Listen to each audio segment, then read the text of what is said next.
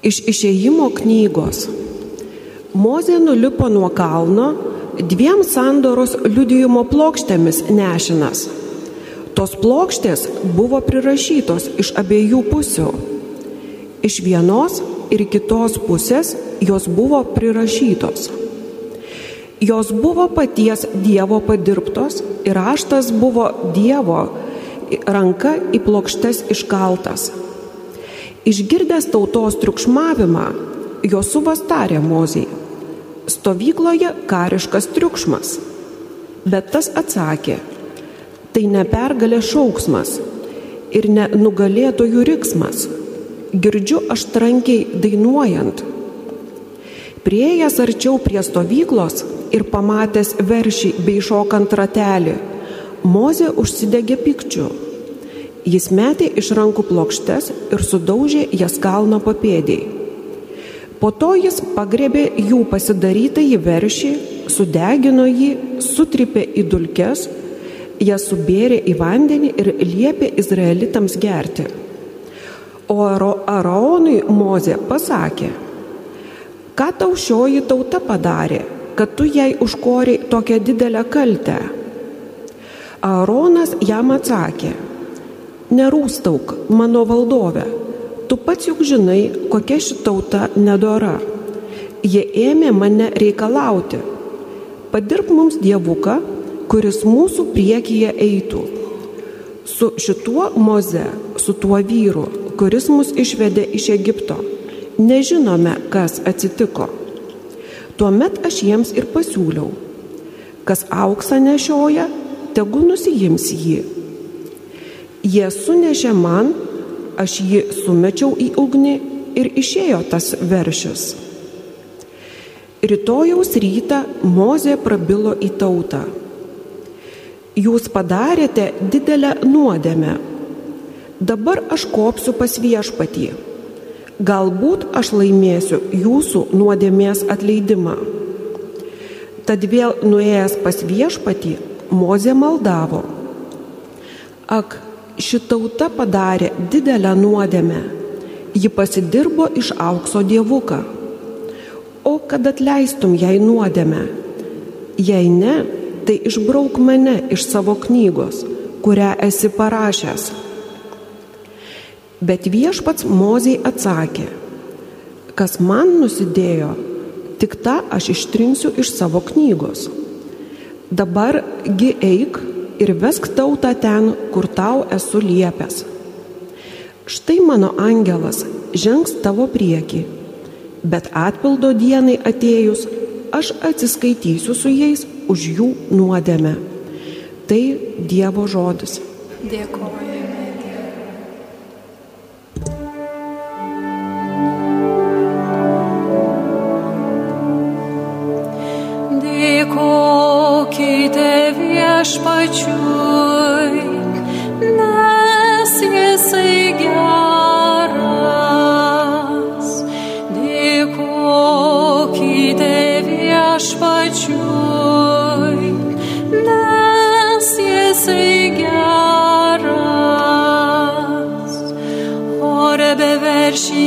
Pasidirbo, garbino stabą auksinį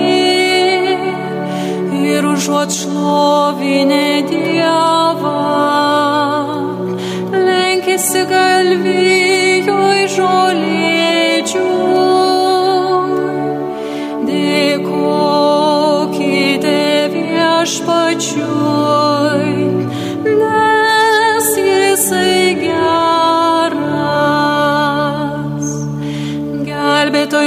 Dievo užmiršo, kuris Egipte didžius daiktus jiems darė. Hamo šaly tiek stebuklų, tiek širpulingų darbų, ties raudonąją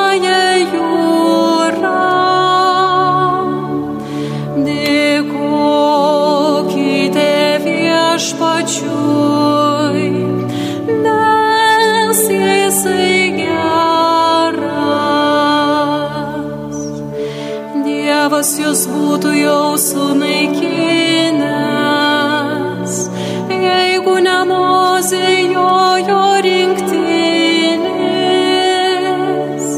Jis juos užstojo prieš Dievą, kad jo rūstybė jų nenusiauptų.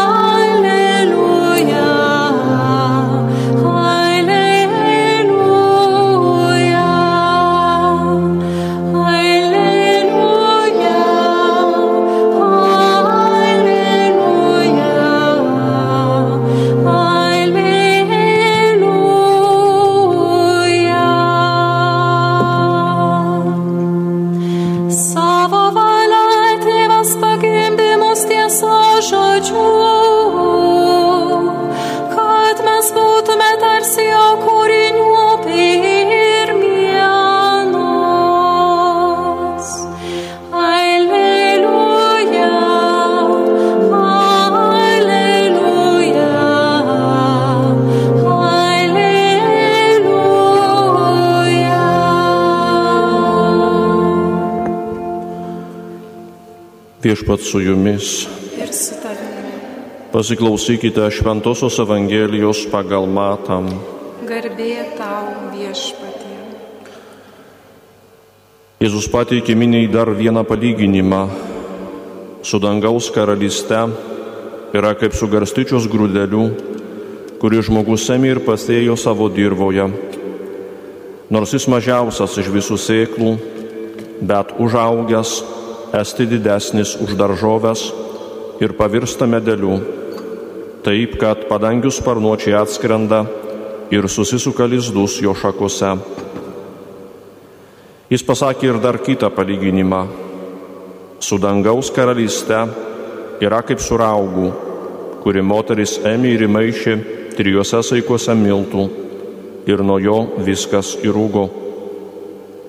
Visą tai Jėzus bylojo minioms palyginimais ir be palyginimų jis jiems nekalbėjo. Išsipildė, kas buvo pranašo pasakyta. Aš atversiu savo burną palyginimais, išpasakosiu nuo pasaulio sukūrimo paslėptus dalykus. Girdėjote viešpaties žodį. Šlovė tau, Kristau. Kviečiu trumpam prisėsti. Rangus broliai seserys Kristuje, išrinktoji tauta daug kartų patyrė Dievo globą. Todėl, atrodytų, turėjo pažinti Dievą ir būti jam ištikima. Tačiau nepaisydamas daugybės patirčių, Izraelis vis pamirždavo vienintelį tikrąjį Dievą ir garbindavo stabus. Jau klajonių per dykumą metų buvo nukrypta nuo Dievo. Vėliau pranašai nuolat kaltino savo tautą neištikimybę Dievui.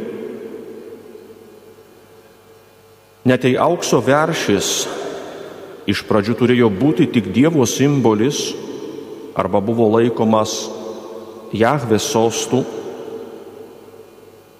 jo gaminimas buvo netikėjimo dievų ir bandymo pačiam ieškoti išsigelbėjimo apraiška. Tai prilygo pasitraukimui nuo Dievo. Sandora buvo sulaužyta, todėl Mozės sudaužo plokštes, ant kurių buvo užrašyti įsakymai. Mozė čia atlieka pranašo vaidmenį. Iš pradžių jis griežtai pasmerkia nukrypimą, bet paskui užtaria žmonės, kurie, kaip sako, padarė didelę nuodėmę. Jis jaučiasi atsakingas už žmonės ir yra su jais solidarus. Jis nori paukoti save kaip atperkamąją auką už nuodėmes. Žvelgime toliau į Dievo žodžio liturgiją. Psalmininkas primena įvykį, žinoma iš išėjimo skaičių ir pakartotų įstatymo knygų aprašymų. Jie iliustruoja ir aiškina pirmajame skaitinyje aprašytą istoriją. Psalmiai būdinga tai, kad joje primenama įvykdyta sunki neteisybė.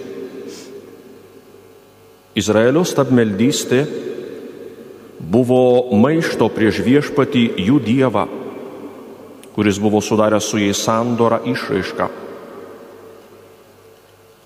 Tauta greitai pamiršo Dievo maloningumą, nepaisė jo patarimų, paniekino jo pažadus. Todėl jie nusipelnė bausmės. Vienas po kito, darydami nusižengimus ir net gailaudami, jie vis labiau kurstė Dievo teisingą pyktį Rangiai šiandienos psalmė ragina mus taip pat peržiūrėti savo sąžinę ir požiūrį.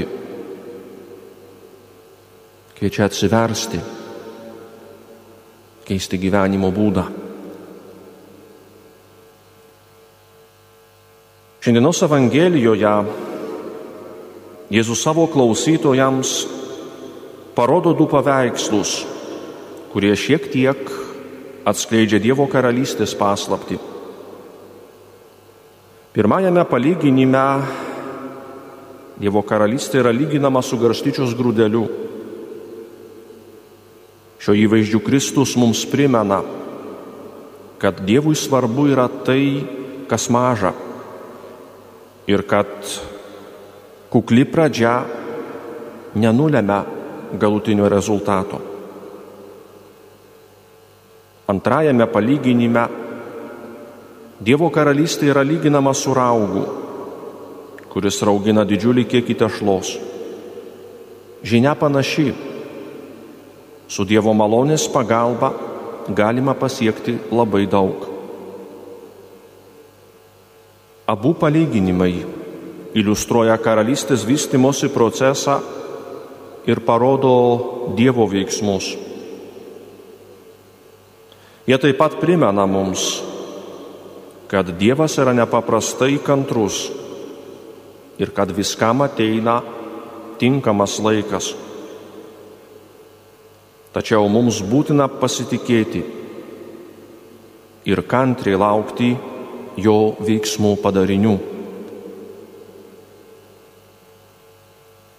Brangiai Jėzus dažnai savo klausytojus sudomindavo kasdienio gyvenimo ar gamtos palyginimais ir taip paskatindavo juos įsiklausyti Evangeliją ir išgirsti žinę apie gyvenimą, kurį jis atėjo duoti.